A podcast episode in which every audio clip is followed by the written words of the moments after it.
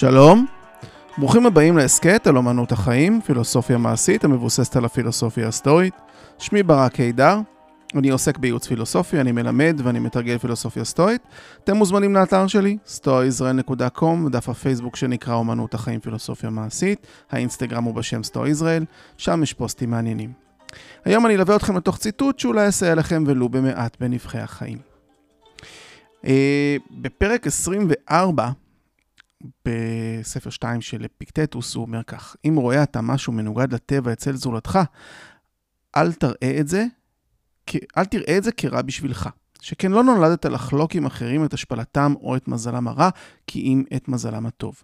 אם רואה אתה אדם בצרה, זכור כי הוא עצמו הביאה עליו.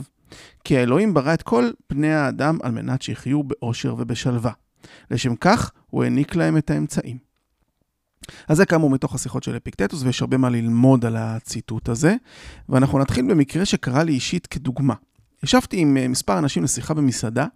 במהלך המפגש השיחה נדדה בין המשתתפים ובין הנושאים, לעתים שניים שוחחו ביניהם, לעתים אחד דיבר והשאר הקשיבו, אה, היו כאלה שניהלו שיחות במקביל, זה גם היה עם אנשים ממקומות שונים בעולם.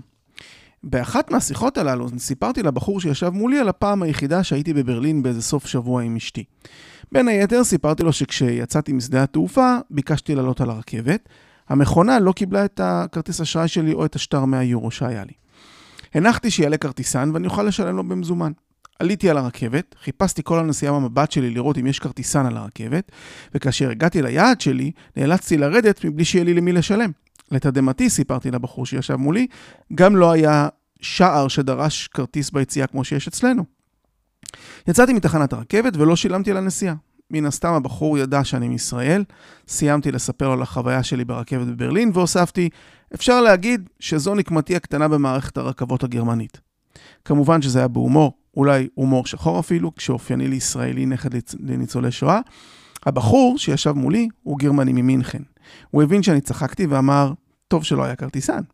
כאשר הגיע לשולחן החשבון, כל אחד התכוון לשלם את חלקו, והבחור החביבי ממינכן אמר, אני אשלם עליך. באופן לא מחושב ומאוד אינסטינקטיבי לחלוטין עניתי, לא תודה, זה בסדר. לאחר הארוחה שמתי לב שהבחור ממינכן נהיה קצת יותר קריר.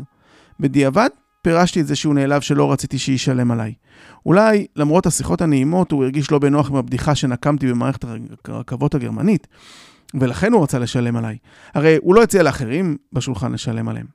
אני המשכתי לנהוג בו כרגיל ובנועם, וכאשר החבורה נפרדה, הצעתי לו שייצור קשר אם אי פעם הוא יזדמן לישראל.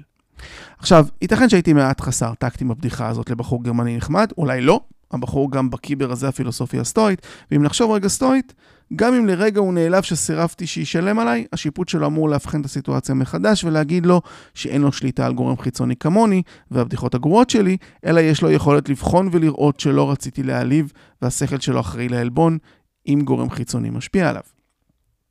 גם אני לא הרגשתי בנוח שנעלב, דרך אגב, הרי סירבתי שישלמו עליי כי כזה אני, לא בגללו.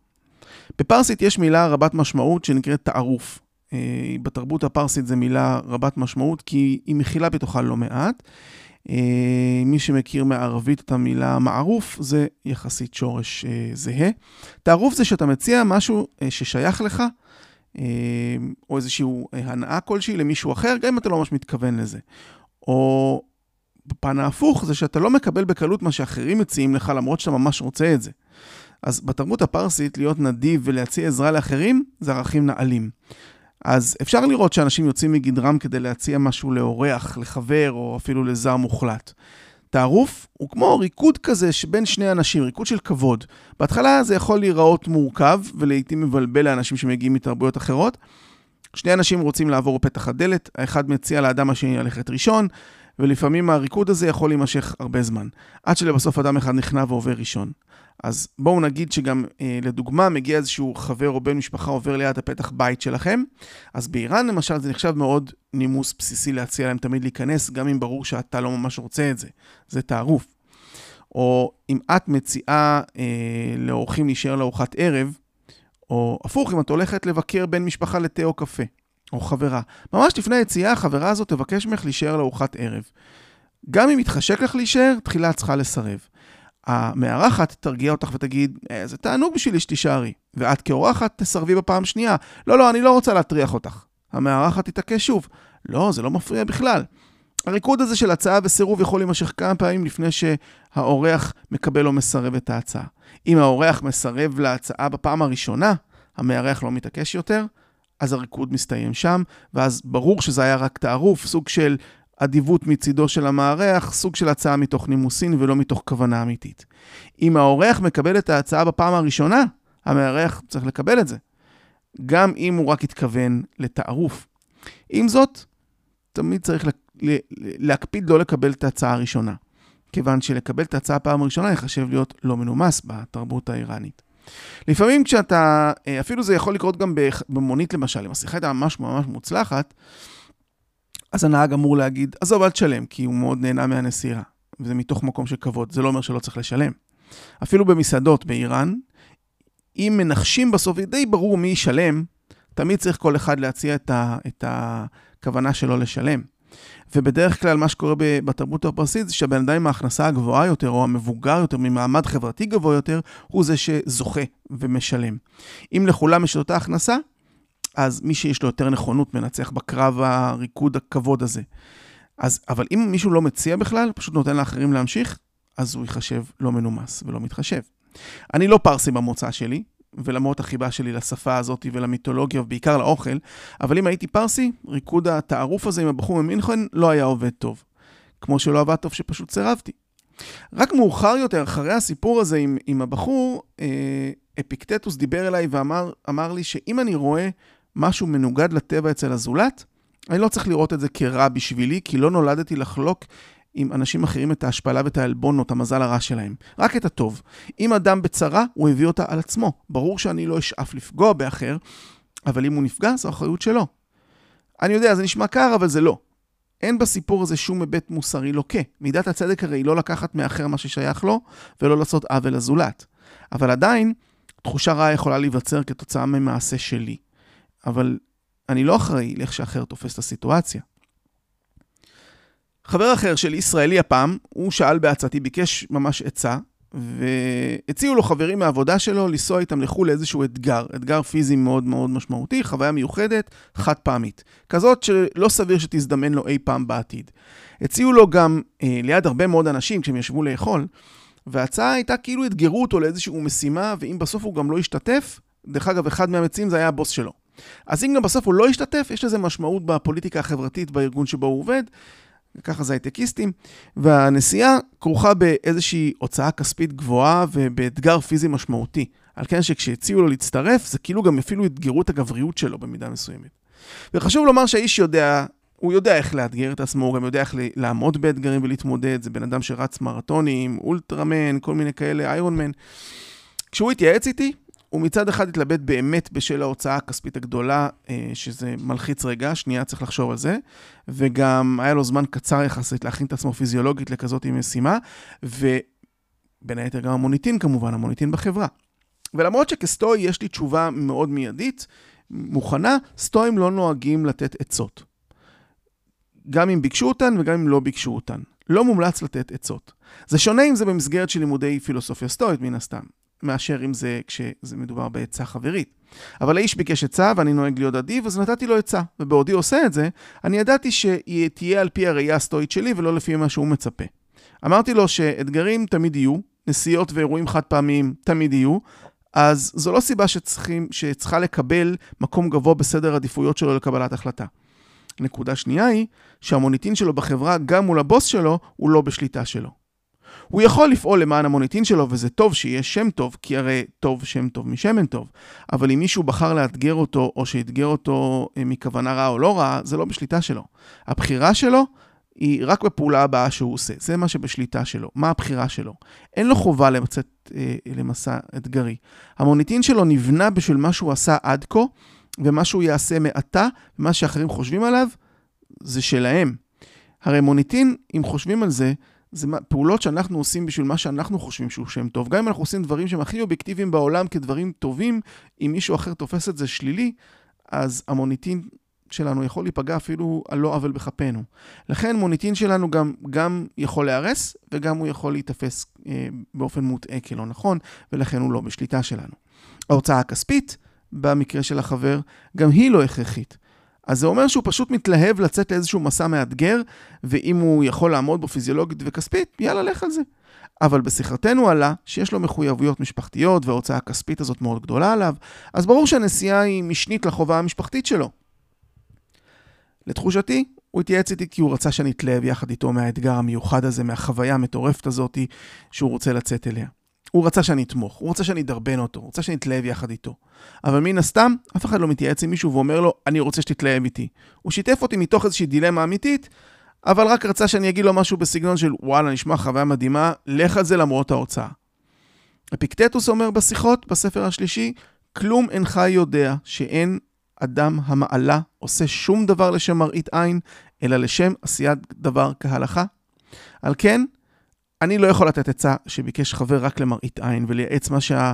מה שמראש הוא רצה שאני אייעץ. אני כן יכול להיות חבר ולתמוך מרגע שהוא החליט, והוא אכן, כשהוא החליט לנסוע, כמובן שהוא הכין את עצמו לנסיעה ולאתגר, אני תמכתי בכנות. ולמרות שעצתי הייתה, תקבל את ההחלטה על בסיס החובות המשפחתיות שלך ולא על בסיס המוניטין וההתלהבות מאיזושהי תשוקה לנסיעה ולאתגר חלומי כזה שאין לו שום ערך מוסרי. זה יכול להיות מועיל, זה יכול להיות נחמד, זה יכול להיות יפה, אה, חוויה, אבל זה לא חיוני. אפיקטטוס הוא שוחרר מעבדות, וכשהוא שוחרר מעבדות הוא ניסה לתת עצות ברומא כשהוא התחיל את דרכו כ- כמורה סטואי, והוא עשה את זה ברוח של הפילוסופיה הסטואית לאנשים ברחוב ברומא, ואפילו הכו אותו בשל העצות שלו פעם אחת, כי הוא היה מאוד מאוד ישיר. אז הוא פשוט פתח בית ספר באפירוס, וזה הוא עשה אחרי שגירשו אותו מרומא. לא גירשו אותו בגלל העצות שלו, אלא גירשו אותו כי הקיסר דומיטיאנוס, ששלט אז ברומא, הוא גירש את כל אנשי הרוח, ביניהם את הפילוסופים. הוא גירש אותם מרומא, כי ככה זה כשאתה רודן ואתה לא אוהב שאנשים מעבירים עליך ביקורת.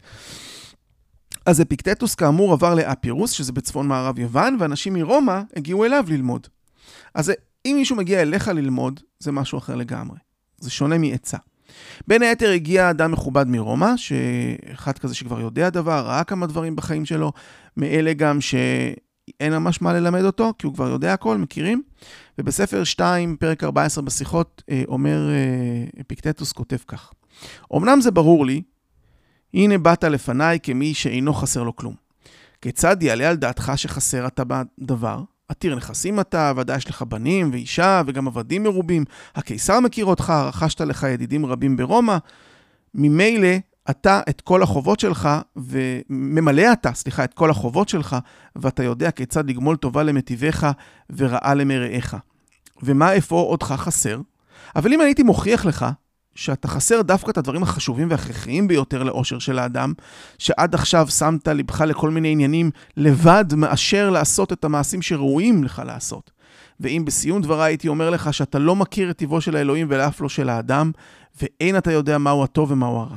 אפילו עוד היית סובל לשמוע שאינך חסר ידיעה בעניינים אחרים, אבל אם הייתי אומר לך שאינך מכיר את עצמך, איך תוכל לסבול אותי ולעמוד לפניי לשם חקירה ודרישה? לא ולא. תכף ומיד תסתלק ממני בזעף, ומאידך גיסא, מה רעה עשיתי לך? אלא אם כן, גם נאמר שהראי פגע באיש המכוער, בהראותו לו את פרצופו כמו שהוא. או שנאמר שהרופא העליב את החולה באומרו לו, אדוני, סבור אתה שאינך בריא ושלם, אבל קודח אתה. תצום היום ותשתה רק מים. אבל, אף אחד לא יאמר איזו חוצפה איומה. אבל אם אתה אומר למישהו, תשוקותיך קודחות, מאיסותיך נבזות, כוונותיך סותרות, דחפיך מנוגדים לטבע, מושגיך מקריים והם כוסבים. רגע, והאיש מסתג... מסתלק וקובל, העליבו אותי. אנשים תמיד חושבים שהם יודעים, ואפיקטטוס נתן, נתן עצות בוטות ובחדות, בלי חנופה. באופן ישיר, כראוי לסטוי. לייעץ למישהו כמו שהוא מבקש לשמוע זה לשקר לו, זה נוגד את מידת הצדק, כי זה למנוע ממנו את, האמ, את האמת. החבר הגרמני שנעלב ממני, הוא ידע פילוסופיה סטואית, והוא יודע פילוסופיה סטואית, והוא אמור להסכים עם אפיקטטוס. החבר שלי לא מכיר, אז לייעץ לו, ושהוא יתאכזב מהעצה שלי, זה כמו שרופא ייעץ לו, אדוני, יש לך סוכר גבוה, תתחיל לשמור, ואז הוא גם ייעלב מזה. זה כמו שהמראה תראה למישהו שהוא מכוער, והוא לא, לא אמור להיעלב מהמראה, אומר אפיקטטוס. ואם מישהו מבקש עצה, אנחנו צריכים להיות כמו ראי, גם אם האדם מכוער. החובה שלנו היא לאמת, אבל אנשים הם לא תמיד תלמידי פילוסופיה, ברובם, בטח שלא סטואית, רוב האנשים. על כן, צריך להימנע מלייעץ, כי הרי העצה אמורה להיות לפי תפיסה כוללת. כמו שאני ניסיתי לייעץ לחבר באופן סטואי מקוצר, לאדם שהוא לא סטואי, שיש להתייחס לנסיעה באיזושהי אדישות כי היא לא חיונית, שחשובה יותר החובה שלו למשפחה שלו, שאין לו שליטה במוניטין שלו, שזה לא ברור לו איך זה יכול להיות שאין לו שליטה במוניטין שלו, כמו שפיקטטוס אמר לגנרל הרומי. אבל אם הייתי מוכיח לך שאתה אדם, חס... שאתה חסר דווקא את הדברים החשובים וההכרחיים ביותר לאושר של האדם, ושעד עכשיו שמת לב לכל מיני עניינים לבד מאשר לעשות את המעשים שראויים לך. ואם אני אגיד לך שאתה לא מכיר את עצמך אפילו, איך אתה תוכל לסבול אותי כשאני אגיד לך דבר כזה ולעמוד לפניי לשם חקירה ודרישה? אם אני אומר לך כזה דבר, אתה לא ממש תרצה לשמוע עוד על עצמך. לא ולא. תכף ומיד תסתלק בזעף. אבל מה עשיתי לך רע? אלא אם עשיתי לך רק אם אנחנו נאמר שהראי פוגע באיש מכוער בזה שהוא מראה לו את הפרצוף שלו כמו שהוא. אז אתם לא תעשו לאף אחד אה, רעה אם תציבו מראה, גם אם זה אנשים שהם מכוערים. העלבון הוא בחירה של האדם, אבל אני ממליץ שתבחרו להיות אדיבים, תמעטו מלייעץ ותהיו בטוב. אז עד כאן להפעם, תודה שהאזנתם, נשתמע בפרק הבא אם יוצא הגורל, היו בטוב.